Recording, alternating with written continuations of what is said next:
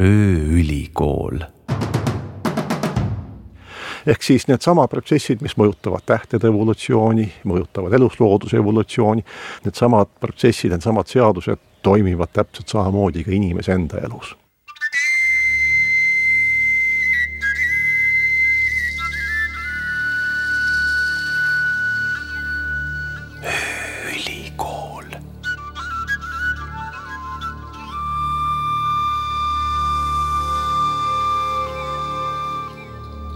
bioloog ja loodusfotograaf Urmas Tartes kõneleb teemal tähtedest ja inimestest.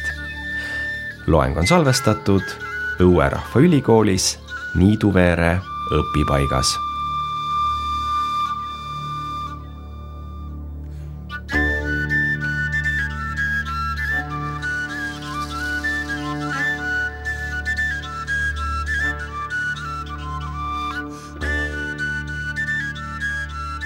üldse mitte väga palju aega tagasi, kõigest sada kolmkümmend aastat tagasi Ernst Öpik siinsamas Kunda linnas sündis. ja tema huvi oli astronoomia ja ennekõike tähed. ja sellepärast ongi meil hea ju alustada tänast mõtterännakut tähtedest. ja võib-olla tähed ongi ka see selline läbiv teema meie tänases rännakus, sest tähti on ju väga palju, väga erinevaid ja mis saab olla muud põnevamat, kui neid erinevaid tähtede tähendusi omavahel kokku lõimida, nendest seoseid otsida ja nendest võib-olla ka, miks mitte, mõningaid fantaasiaid luua.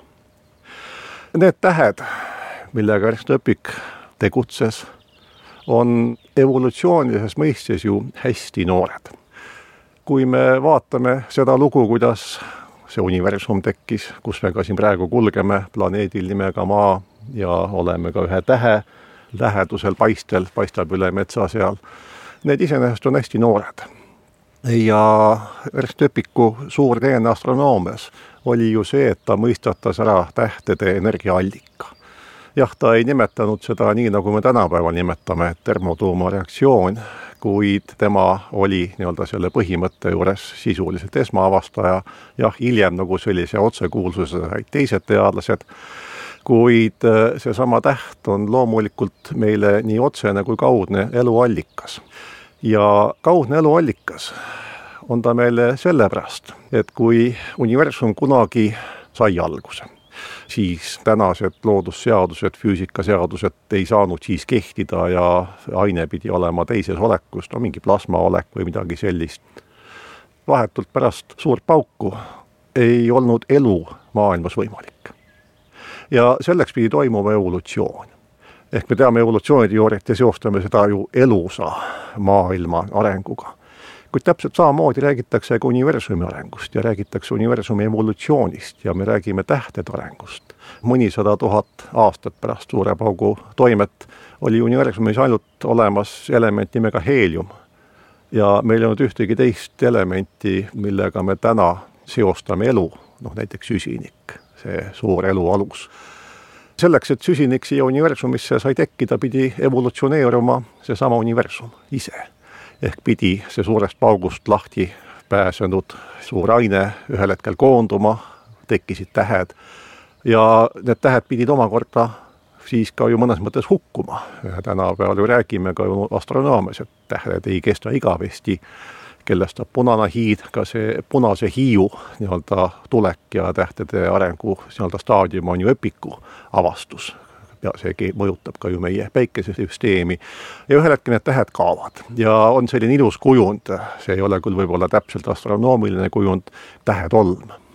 selleks, et saaksid tekkida need elemendid, millest tänane maailm meie ümber siin ja maakera koosneb, selleks pidid need tähed surema ja nende tähtede sees siis omakorda tekkisid need suuremad, raskemad elemendid, need keemilised elemendid, tänu millele, tänu kelle omadustele sai tekkida elu. sest ju kui vaatame elusaine ehitust, nende keemilist ehitust, siis on just nimelt süsinikuaatomi eriline omaduste kogum see, mis annab võimaluse sünteesida selliseid makromolekule, mis omakorda siis saavad moodustada nähtuse nimega elu. Öpik tõi vääramatu teadmisena meie juurde ka selle teadmise, et päikesesüsteem ei ole igavene. nii nagu need tähed, mis kunagi tekkisid ja andsid aluse selleks aineks, et saaks tekkida siis päikesesüsteem ja planeet Maa ja siin omakorda elu, see tähendab ju seda, et ka see päikesesüsteem ei ole igavene. ja Öpik oli see esimesena, kes arvutas välja jah, et see päike saab ka otsa ja nelja miljardi aasta pärast saab sellest päikesest punane hiid ja tema siis nii-öelda ütleski sellise kurva tõe jah, et elul on jäänud siin aega ainult neli miljardit aastat. siin koha peal peame nüüd küll lepikut täiendama ja meid veel rohkem kurvastama, sellepärast et äh, see neli miljardit aastat tähendab seda aega, kui siis see punane hiid neelab maakera endasse kuid veel enne seda läheb päike sedavõrd kuumaks, et elu maakeral muutub võimatuks. ja see viimane piir ja teoreetiline piir, kui elu üldse vähemalt sellises eluvormis saaks olla, on umbes miljard aastat. ja siis ongi alati ju ka küsimus, et noh, mis siis on elu mõte selle juures, et ma ei hakka seda kohe ütlema, see võib-olla on lõpupoole õigem koht öelda ja, ja arutleda selle teema üle kuid äh, jah, me oleme siin kujundlikult siis see tähetolm, vanade tähtede tolm, kes andsid oma elu selleks, et saaks tekkida uus elu. ehk siis ka selles nii-öelda universumis on see eluring küll suhteliselt pikkade ajasammudega ju kestnud ja kestab kindlasti ka ju edasi. mis on siin nagu siis see eos nagu maapealse eluga jah, et nüüd need elemendid või see tähetolm, mis siis oma omadustes tekkisid, need on siis siin omakorda hästi mitmekesiselt kombineerunud, põhimõtteliselt täiesti samade seaduspärasuste alusel, nii nagu kunagi evolutsionäärisid tähed, on meil tekkinud elu nendest samadest elementidest. nii et see elu, mida me või keda me kitsas mõttes eluks peame siin maakeral ja see nii-öelda evolutsioon, mis toimus tähtedega, ongi ju põhimõtteliselt üks ja seesama, ilma üheta ei oleks teist kunagi, kui ma nagu ka lapsena keemiatunnis äh, aineehitust lähemalt vaatasin, siis ma vaatasin ka seda kohe selle pilguga, et oi, et kõik need elektronid ja mummud, et see on nagu ju pisikene päikesesüsteem, et keskel on seal siis äh, aatomi tuum ja ümberringi on siis nii-öelda need planeedid, mis siis äh, ringi käivad. Jah, see sarnasus on kujund ruudus, kuid mingisuguse sarnasuse me siit jah, saame ju ka leida ja kätte ja vaadata sellist maakera ja maailma ühtsust teisalt ka needsamad elemendid, mis nüüd meie sees on, need täpselt samad elemendid on siin kivis, on ka nüüd selles telgis, on ka siin rohus, on ka nendes lindudes, kes siin laulavad. ehk jällegi see piiri küsimine, et mis on elus, mis ei ole, et äh, on suhteliselt äh, ju jällegi kunstlik ja see, kui näiteks paljud loodusrahvad on suhtunud kogu maailma sellise animistliku maailmavaatega, et kõik on elus olendid või kõik on vähemalt hingega olendid, on nad siis kivid või on see muld või on see puu, siis sellel on oma sügav mõte ka ju olemas.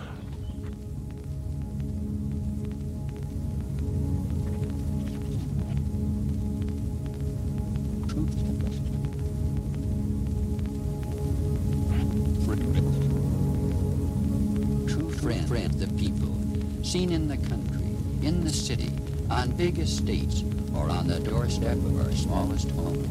Robins help make a home home only if you know what I mean. It is said no two robins ever sing exactly alike, and this, this could be true. true. Let's, let's listen to a robin sing.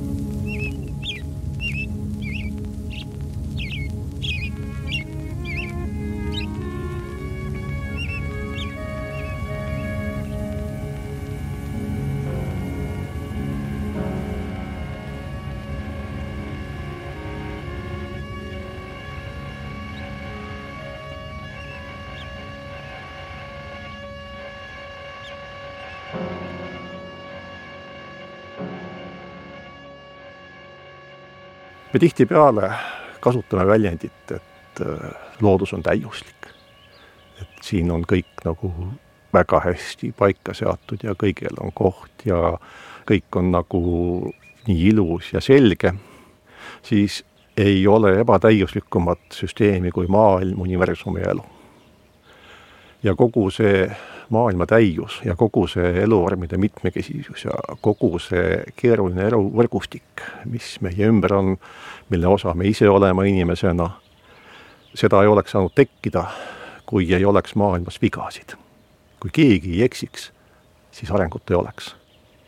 miks on see vigade tegemine nii tähtis? tähtis on nimelt see, et me ju sellises pikemas perspektiivis täpselt tulevikku ei tea. ja maailm ju oma olemuselt ongi selline küllalt keeruline süsteem, kus on hästi-hästi palju erinevaid muutujaid, erinevaid tegureid, mis omavahel kombineeruvad ja mis oma kombineerumiste tulemustes annavadki väga erinevaid ka siis selliseid harmooniaid või siis disharmooniaid. ja see pidev muutuste taustsüsteem ja see, et me ei tea täpselt, mis juhtub homme, tähendabki seda, et me ei tea kunagi, missugune lahendus homme töötab. ja seda ei tea ka mitte ükski liik. Need muutused meie õnneks on suhteliselt aeglased. mõnda suuremat muutust ei tajugi või, või ei tunnegi või ei pane tähele, sest margime sellega ära. Kiirete muutustega on nii, et me neid paneme küll hästi tähele, et kui tuleb mingisugune äkiline tuulepagi või tormituul, no siis me saame kohe aru, et nüüd on suur muutus. kuid äh, ilmaga on ju nii, et äh, noh, naljaga pooleks on ju öeldud, et äh, noh, väga lihtne on saavutada väga kõrge ilmaprognoosi täpsuse protsent üle kuuekümne protsendi ja isegi rohkem, kui prognoosida homseks tänast ilma see ilmateenistus, kes ütleb, saab ainult mõnikümmend protsenti täpsemaks selle prognoosi ja näeb oi kui palju vaeva ja kasutab oi kui palju andmeid ja, ja, ja kõiki asju. ja, ja põhjus on väga lihtne, sama ilm püsib tavaliselt rohkem kui ühe päeva ehk kui me prognoosime homseks tänast ilma, siis me saame alati pihta ja me eksime ainult sellel ühel päeval, kui ilm muutub. siis läheb ilmaprognoos mööda, aga pärast seda on jälle pihtas. ehk siis meil on võimalik ka tegutseda siin maailmas nagu ilma seda maailma tundmata, eeldusel, et need muutused ei ole suured, ei ole kiired. kõige suurem hulk kõiki, on nad siis liigid ja liigi sees olevad kisendid, kasutavad maailmas, ka täna inimeste maailmas, kõige levinumat käsku kujundlikult, no kes arvutitega on töötanud, mis te arvate, mis on see kõige levinum funktsioon või käsk või klahvi kombinatsioon, mida me arvutiga töötades kõige rohkem kasutame? Jah, ma kuulsin ära ilusasti, see on siis copy ja paste. ehk siis äh, kopeerimine on absoluutselt kõige tõhusam meetod, kõige efektiivsem meetod millegi tegemiseks.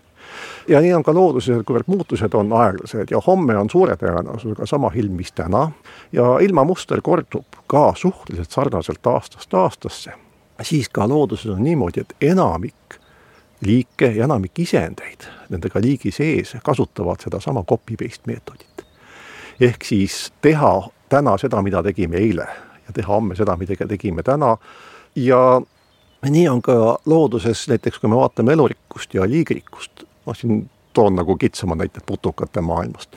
me teame, et umbes kümme protsenti putukaliikide osas need, kes on arbukad, tavalised, keda on palju üldiselt. ja üheksakümmend protsenti on need, kes on haruldased. ja miks on see niimoodi?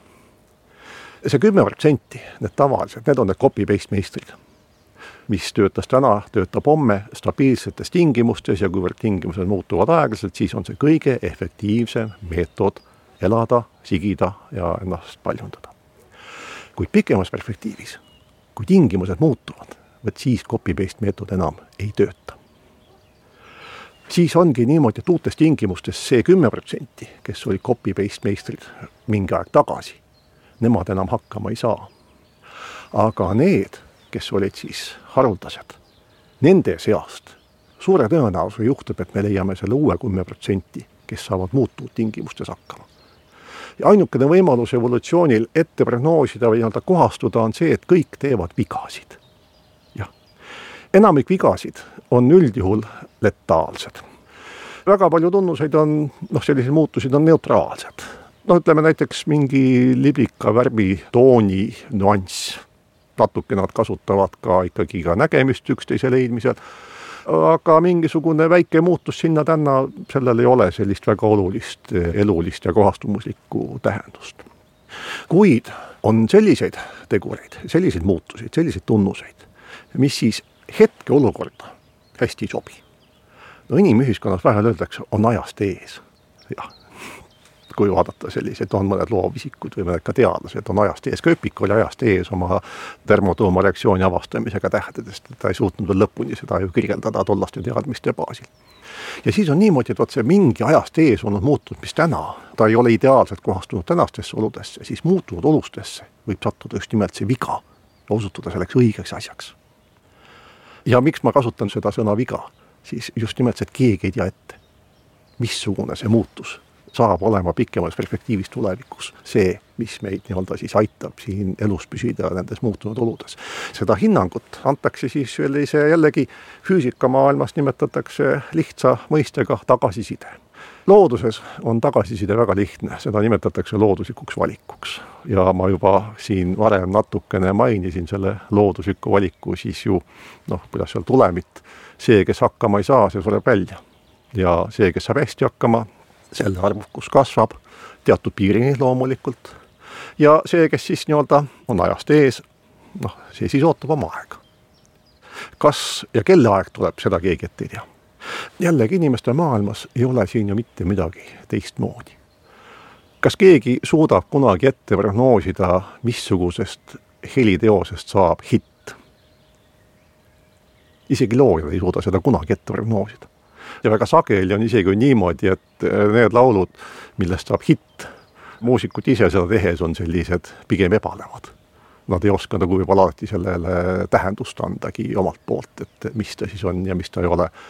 ja vahel juhtub ju sedagi, et äh, mõni laul saab tuntuks alles hulk aastaid pärast siis tema esmaesitust, võib-olla hoopis uues esituses, uues tähenduses, uues tõlgenduses ja nii edasi. ehk siis needsamad protsessid, mis mõjutavad tähtede evolutsiooni, mõjutavad eluslooduse evolutsiooni, needsamad protsessid, needsamad seadused toimivad täpselt samamoodi ka inimese enda elus. kuigi me tahame küll vahel öelda, et me oleme hästi mõistusega inimesed ja mõtleme ja plaanime, üht-teist me oskame plaanida ja selles osas loomulikult on inimesele antud väga erinev kohastumus, me oskame õppida mis iseenesest jällegi ei ole tulnud mitte kusagilt niisama, vaid mis on meile ka antud sellesama evolutsiooni käigus. õppimisvõime on universaalne looduses, kõik loomad õpivad, rääkimata isegi teatud mõttes ju ainuraksetel loomadel on teatud õppimisvõime. ehk siis äh, jällegi evolutsioon proovib erinevaid variante ja selgus, et vot, et nendel loomadel, kellel õppimisvõime on keskmisest suurem, on äkki suurem oskus, võimekus kohastuda oma keskkonnaga ja kohastuda ka muutustega, mis paratamatult iga päev meie ümber toimuvad ja, ja mis ka meie eluaja jooksul ju iseenesest toimuvad.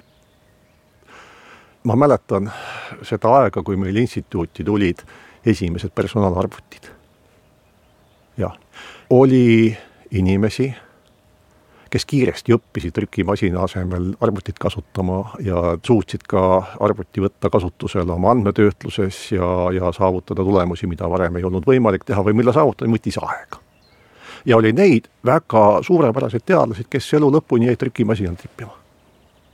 jah, kuigi see võimalus tekkis, aga nad ei suutnud kohaneda no tänaseks on need inimesed, kes arvutit ei kasuta, vähemalt teadusmaailmast välja surnud ja, ja surevad vist ka inimeste maailmast laiemalt välja, kes ei suuda kasutusele võtta neid tehnoloogilisi lahendusi, mis annavad meile mingis kohas lihtsama võimaluse asju kasutada ja, ja maailmas paremini hakkama saada.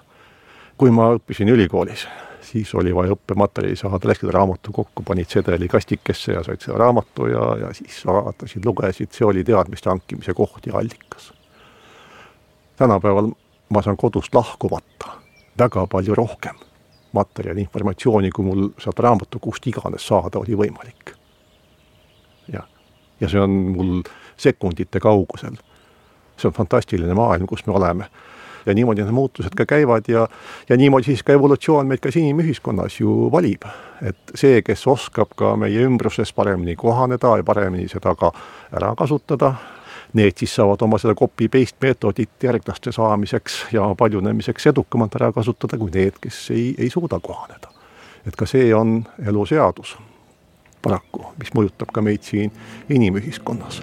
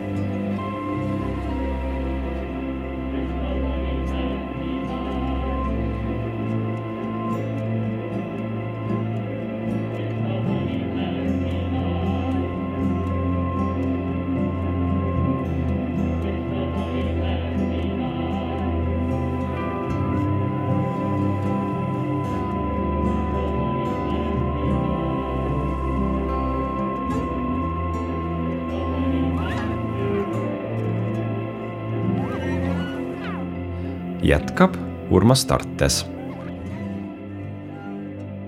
tähtedest saavad alguse ju ka need teised tähed, need, mida me nimetame kirjatähtedeks. noh, eks see on üks selline omamoodi huvitav küsimus ka jällegi, et vist ei ole ühtegi inimest, kes mingit teksti tippides vigu ei tee. olgu ta kas või näpu libisemine kõrvaklahvile, mis on üks kõige levinumaid trükivigade allikaid ja nii edasi. või siis teisalt see digipõlised vaidlused, et kas see on tamm või pais. Ja on teatud kokkulepe, kus me anname kindla tähenduse ühele mõistele ja teisele mõistele. Ja kui me vaatame sõna päritolu, siis selgub, et ei, et algselt oligi see tähendus pigem võib-olla hoopis vastupidine. ehk siis ka need tähendused meie ümber ju kujunevad ja muutuvad. Ja kust need tähendused üldse tekivad meil, et äh, looduses tähti, sellist abstraktset suhtlust ei ole. Nendel kriipsudel, mida me paberile tõmbame, nendel ei ole ju mingit tähendust ja ainuke võimalus, ainuke hetk, kui need tähendused meil nendel siis tähtedel tekivad, on see, kui me õpime seostama teatud siis kriipse, teatud nii-öelda kujundeid paberi peal teatud tähendustega. ja nii nagu muutub, evolutsioneerub maailm, universum, nagu evolutsioneeruvad tähesüsteemid, nagu evolutsioneerub elusloodus maa peal ja nagu evolutsioneerub ja muutub inimene ja tema käitumine, täpselt samamoodi ei püsi ka tähendused mitte kunagi staatiliselt paigal. Nad ei saagi püsida sellepärast, et ei ole võimalik kujundada staatilist tähendusruumi muutuvas keskkonnas. siis me kaotaksime võimaluse orienteeruda maailmas, kui me oma tähendusruumi pidevalt ei täienda, ei, ei kohanda muutuvatele tingimustele, kaasa arvatud ka arenevatele või täienevatele teadmistele mitte ükski tähendus ei püsi täiesti ühtemoodi paigal, nad muutuvad.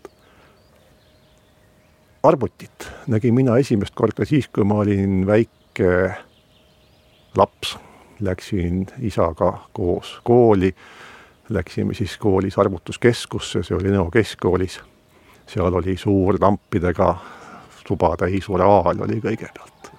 ja, ja nüüd on mul siin ka laua peal arvuti, jah ja see arvuti on, ma ei tea, mitusada tuhat korda võimsam kui see uraallampidega, mida ma siis seal saalis omal ajal vaatasin. ja see on see tähenduste muutumine.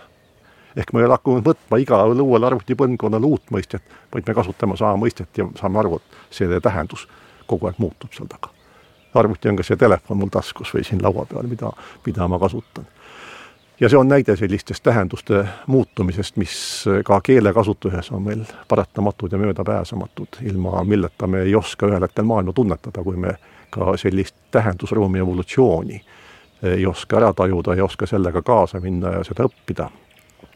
ja paratamatult on ju niimoodi, et ka erinevad inimesed oma erinevates tegevusvaldkondades tihtipeale ju kujundavad välja oma tähendusruumi. Number üks põhjus väga suurteks vaidlusteks on see, et ei osata ühtlustada tähendusruumi. räägitakse justkui samast asjast, aga tegelikult räägitakse erinevast asjast.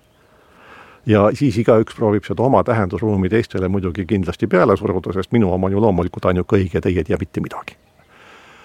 ja muidugi, kui me võtame sellise valdkonna näiteks huumor või satiir, siis selle aluseks on ju tähendusruumide nihestamine tuleb meelde selline ilus ütlus Ladislav Korsetšilt, kui riigis on midagi lahti, tuleb hakata kinni panema.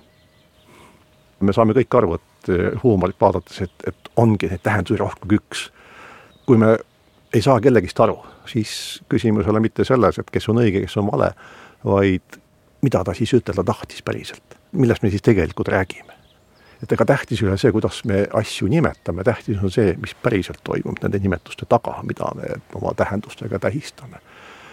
see on esimene asi, mis tuleb küsida, kindlaks teha. või siis kas või see, see teine tuntud asi, et kust sa tead, mis alusel keegi midagi ütleb. ehk selline möödarääkimine, see on niisugune klassikaline pool ja möödarääkimine tekib ka looduses. kui ma teadlase leiba otseselt maitsesin ka, siis üks minu kolleeg tegeles naksurite feromoonide uurimisega no naksurid on margikad, kelle vastsete seas on palju selliseid, kes tulevad sööma taimede juuri ja tulevad sööma ka nende taimede juuri, keda inimene ise tahaks toiduks süüa, küll mitte juuri, aga mis siis maa peal kasvab. ja tema siis uuriski siis ühe sellise viljanaksuri, feromooni kommunikatsiooni. no nii nagu inimesed, selleks, et näiteks kokku saada, kasutavad erinevaid signaale ja siin on erinevad rituaalid veel sealjuures, kuidas ikkagi noh, siis õige üles leida ja nii edasi. siis putukatel, teistel loomadel on samamoodi, et ju algab asi ikkagi suhtlusest naksuritel on selleks siis keemiline side, ehk siis nad eritavad kindlaid aineid, tüüpiliselt on eritajaks emane, isa tunneb seda ainet ja siis lendab juurde. ja mis siis selgus? üks ja sama liik, kes on morfoloogiliselt ehk väliskehaehituse tunnusega täpselt identne Eesti populatsioon ja populatsioon Ukrainast. no see Ukraina on praegu täiesti juhuslik, mitte mul teadlikult siia pandud, aga nii ta oli. täiesti üks liik teadusliku kirjelduse mõttes, aga ei paaritu omavahel. miks? feromoon on erinev. ehk isolatsioon, selline mõõdukas isolatsioon tekitanud erineva keele teised tähendused ja ei saada üksteisest aru. kui nad kokku panna, noh, katseklaasis, siis tuleks küll lapsed, aga nende tähendused ei klapi. Nad ei saa üksteisest aru ja räägivad mööda nii-öelda inimese keeles ja nii juhtubki, et noh, nagu nende dinosauruste kohta öeldakse, et mhmh, mhmh ja surid välja, eks et kui aru ei saada, mida üks tahab ja, ja teine ütleb teistmoodi, siis ka ei tulegi midagi head meil siin maailmas, et jällegi selline universaalne loodusseadus Bye.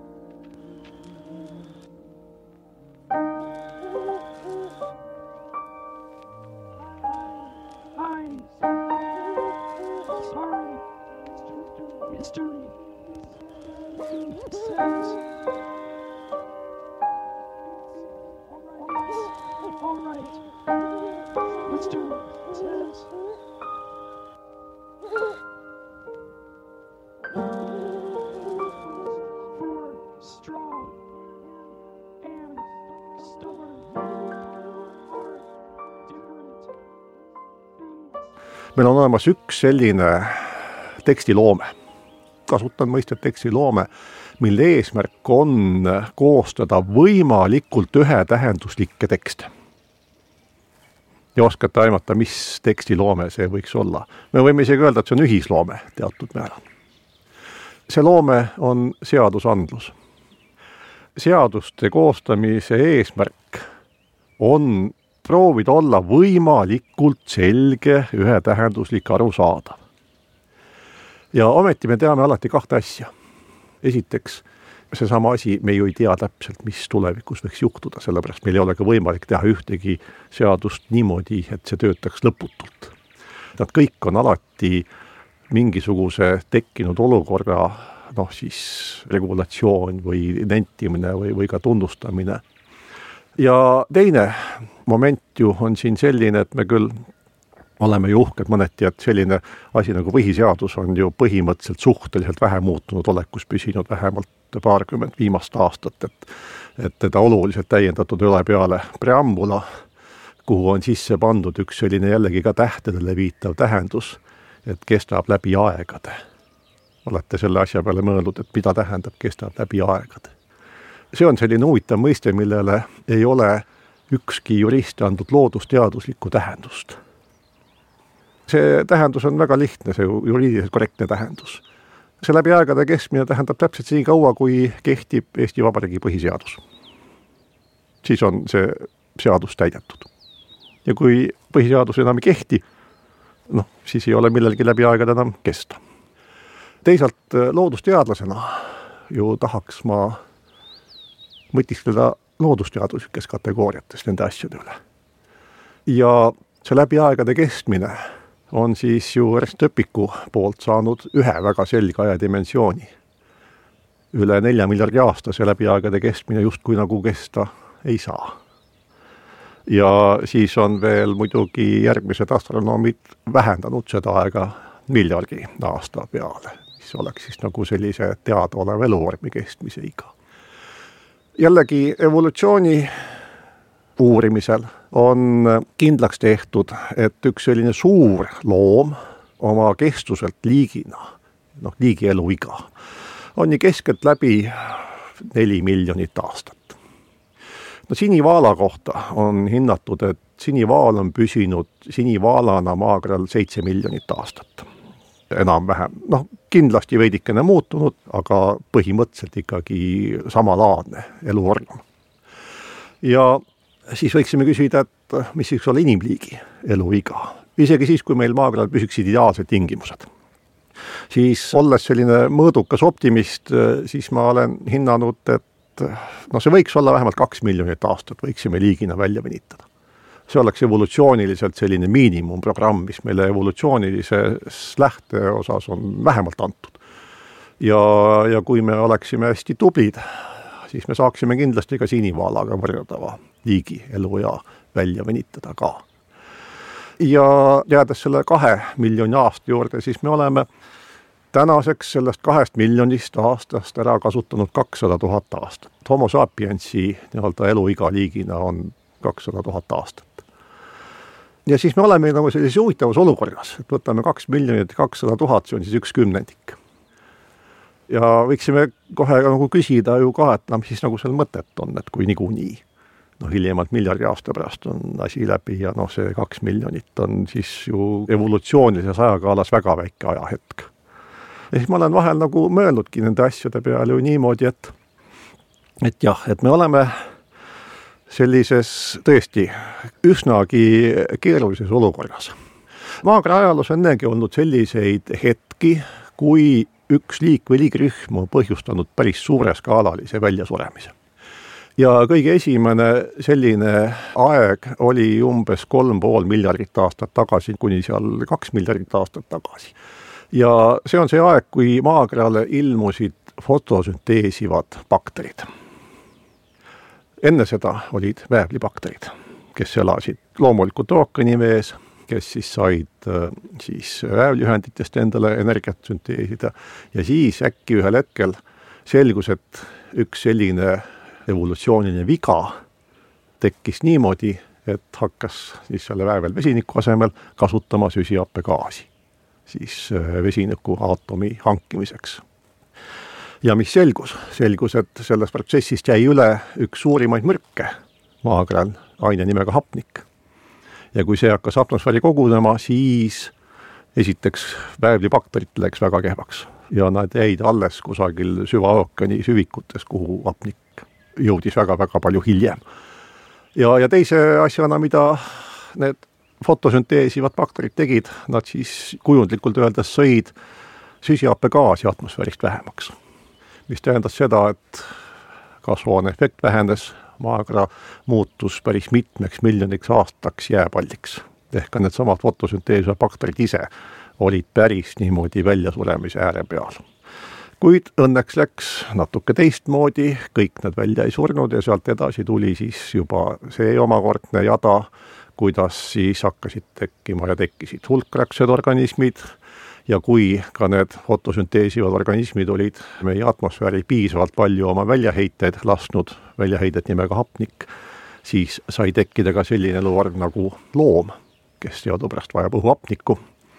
ja teine väga oluline väljasuremislaine toimus ligikaudu viiskümmend miljonit aastat tagasi sinnakanti ja selle põhjuseks oli püsisoojaste eluvormide, imetajate teke maakeral.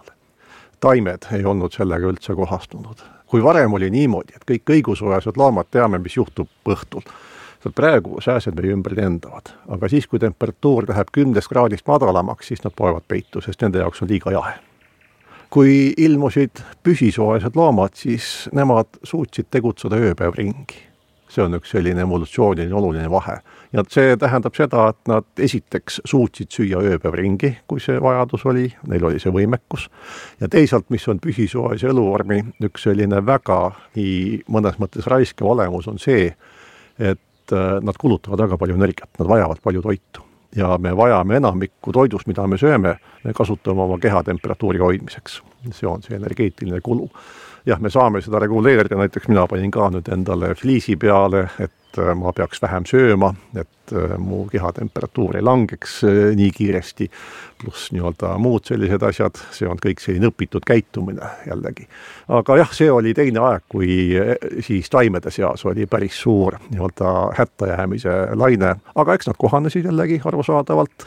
Ja tänu sellele, et taimed kohanesid siis ka selliste paljude ärasööjatega järjest rohkem, on meil olemas näiteks poest võimalik osta maitseainete riiult erinevaid taimseid rooge sest kõik need maitseained, mida me sealt ostame, need omakorda on üldjuhul ju ained, mida taimed sünteesivad selleks, et loomad neid vähem sööksid aga mõõdukas koguses suure looma jaoks nagu inimene on nad sellised meeleelundeid ergutavad ained. see on nagu selline huvitav nii-öelda seoste koht ja, ja pool. ja täna siis me oleme muidugi jah, inimesena sellises olukorras, kus me oleme kõige arvukam loomaliik maakeral.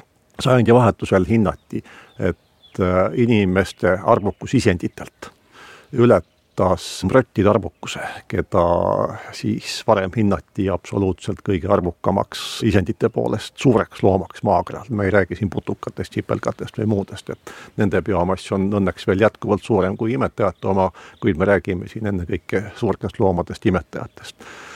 kui me vaataksime kusagilt teisest tähesüsteemist, siis kaugelt vaadates inimese käitumises me ei näe vähimat erisust sellega, kas me vaatame inimest või sipelgapesa või vaatame mingit muud populatsiooni. ja kõik need sellised evolutsioonilised instinktid, mis ju ühest küljest panevad tegutsema ja annavad tungid teistele loomadele, taimedele, inimesel on nad samamoodi olemas, ainult et me saame neid tunge rahuldada ulatuses, mida ükski teine liik pole varem saanud teha ja arusaadavalt meie tegevusel on ka väga suur ja oluline keskkonnamõju. loomulikult me muudame oma keskkonda. ja noh, Eestimaa enda taust on ju see, et me elame umbes poolteist korda üle meie siinse piirkonna võimekuse. jah, ja kui me vaatame pea kohta olevat äh, jalajälge, ökoloogilist jalajälge, see on sama suur kui Ameerika Ühendriikide inimese pea kohta. ja eks ta ole siin selline teatud mõttes võtmekoht, et äh, on see kole asi nimega kasvupiirid ja muud sellised asjad. et äh, kui räägitakse nendest nii-öelda inimese ja maailma suhetest, siis ju üks väga levinud argument kohe tuleb, et aga et raha ei tule seina seest. ma ka mõtlesin tükk aega selle väljendi peale ja siis ma mõtlesin välja, kust raha tuleb. kas te teate, kust raha tuleb? täpselt õige, raha tuleb trükikojast jah aga see, kas raha on rohkem või vähem, see ei mõjuta vähimalgi moel meil siin mulla hulka, puude hulka või toidu hulka. kui on raha rohkem, siis on numbriliselt asjad kallimad, nimetatakse inflatsioonis, kui raha on vähem, siis on asjad, vastavalt me peame vähem raha välja andma, et see on ühendatud anumate printsiip ja ainenergia jäävuse seadus kehtib ka maailmas, mis näiliselt justkui oleks nagu inimese poolt välja mõeldud ehk siis vahel me jah, tegeleme sellise mõõduka enesepettusega, et arvame, et teeme midagi teistmoodi ja ega me loodusseadustes üle astuda ei saa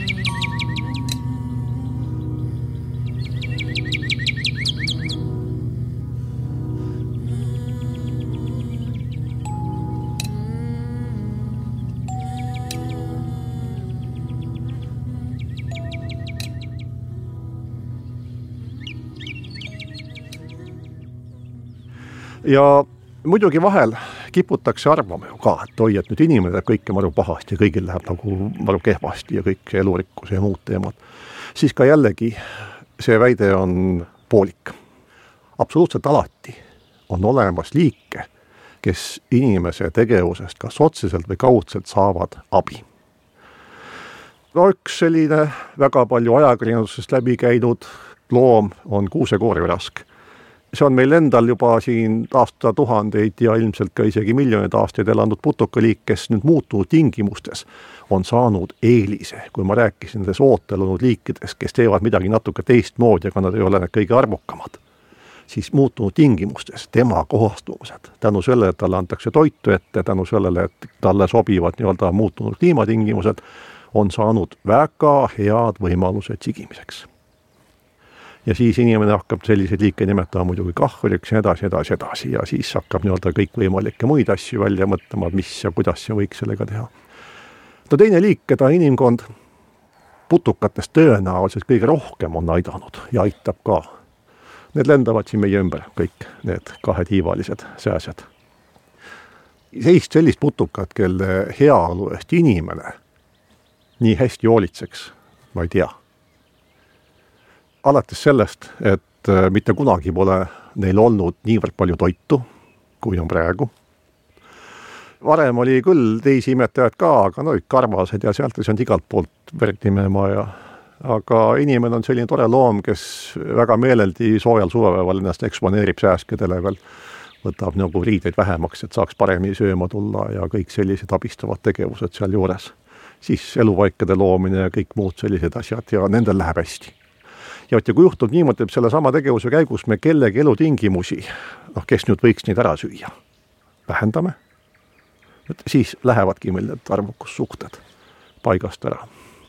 Neid samu sääski kõige rohkem söövad neid näiteks ämblikud, kus ämblikel meeldib pesa teha ja võrku teha ja, ja neid süüa. see on natuke kõrgemaks kasvav rohi ja võsa ja taimed ja puud, mitte selline madaltihedaks niidetud muruplats siin ei ole ämblikel kusagil olla, näiteks. lihtsad seosed. me nagu, kuidas öelda, iseendale kogu aeg head tehes, absoluutselt kõik inimesed on head, ka selles ei ole vähimatki küsimust, ma ei tea mitte ühtegi inimest, kes tahaks teha kellelegi teisele halba. kõik tahavad teha endale head, viimseni. lihtsalt äh, vahel iseendale hea tegemine võib minna üle selle piiri, kus ta teise jaoks ei pruugi enam hea olla kõik inimesed tahavad head teha. kui vaatate kas või ütleme siin Musta mere ääres toimuvat, siis ju nende kahe riigi presidendid on mõlemad ühesugused kangelased oma rahva jaoks. ainult see heategu, mida nad teevad, on erinev.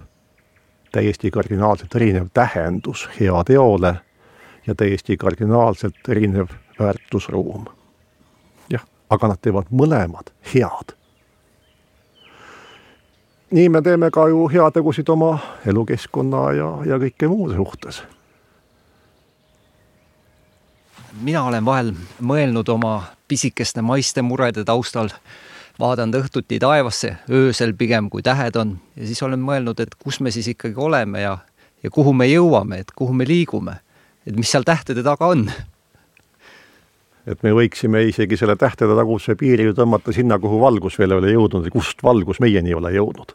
et mida me ei teagi, mis ja kus seal on. kuid ma tean, et sellega tegeldakse. hiljaaegu saadeti veel üks võimsam teleskoop veel kaugemale, vaatab veel kaugemale omakorda universumisse, saame midagi veel rohkem teada, saame teada ka, et vot, et midagi, mida me senimaani teadsime, võib-olla ongi natuke teistmoodi ja see ongi see elu mõte, et saada midagi teada jällegi, et äh, mitte kaotada seda uudishimu elu lõpuni. jah. mis on elu eesmärk? see on kulgeda siin maailmaga koos. sellel hetkel, sellel ajahetkel, ajavahemikul, mis meile on antud õnne seda maailma tajuda, siis oma silmade, kõrvade ja, ja muude taju- ja tundemeelte abil. me ei ela selleks, et surra me elame selleks, et olla. ja ma ei tea ka ühtegi inimest või inimlast, kes näiteks kümneaastaselt teades, et ta kaheksakümneselt sureb, et see annaks talle põhjuse suitsiidiks. ja selle antud kahe miljoni jooksul, juhul kui meil õnnestub selleni välja vedada muidugi, võiks olla meil üks selline eesmärk küll, et kas nüüd otseselt proovida niimoodi, et saata meilt siis mingisugune saadik mõnele teisele planeedile. See ei tähenda, et nüüd inimene kuskile kosmoselaeva mahuks ja saaks sinna kusagile minna, see tõenäoliselt ei pruugi niipea vähemalt osutuda tehniliselt võimalikuks, kuid natuke fantaseerime, et meil võiks olla võimalik üks DNA printer panna raketi sisse küll, anda talle kaasa kolmikestega kõik need elemendid, needsamad elemendid, millest ka evolutsioon on meid ju kokku vorminud, anda talle kaasa informatsioon ja siis ta trükib piisavad need geenid välja teisel planeedil ja elu kestab edasi. Ja muidugi juhul, kui meil selline DNA printeri saatmine teise tähesüsteemi kusagile ei pruugi õnnestuda, siis ei maksa ka iseenesest üldse muretseda. ja alustasime ju sellest, et äh, me oleme siin teiste tähtede tolmust sündinud elu. ehk need ained, need elemendid, tänu millele meie siin elame, millele meie organism püsib, on tekkinud kunagi tähtede evolutsiooni käigus, kui nad nii-öelda tähed sündisid ja surid, ehk tähtede surm andis elu meile. Ja siis, kui ka õpiku arvutuste järgi päikesest saab punane hiid ja temast saab ükskord tähetolm, siis need elemendid, kes meie sees praegu on, nad sünnivad kunagi mõnes teises tähesüsteemis, kindlasti. ja see, et seal mõnes teises tähesüsteemis tekib elu ka ilma meie saadetud DNA printerita, ma leian, et see pigem on loodusseadus kui et erand, sellepärast et äh, kui me vaatame neid elemente, millest nüüd elu koosneb või kellest ta siis koosneb, siis see on loomuomane elementide omaduste kompleks, et äh, elu nende baasil saab tekkida. ehk äh, see, et tekkis selline liik nagu inimene, see on suur juhuste kompleks ja juhuste rada. siin ei ole mitte midagi ette määratud, vaid peame olema õnnelikud, et meile see aeg on siia antud. kuid see, et tekib siis sellest tähetolmust ka siit meie päikesesüsteemist kunagi mingite sadade miljonite või, või ka miljardite aastate möödudes kusagil mõnes teises tähesüsteemis, mõnel teisel planeedil, mis on siis siit tekkinud uus elu. Ja need nii-öelda elemendid, mis meie sees praegu on, on seal, siis see juhtub kindlasti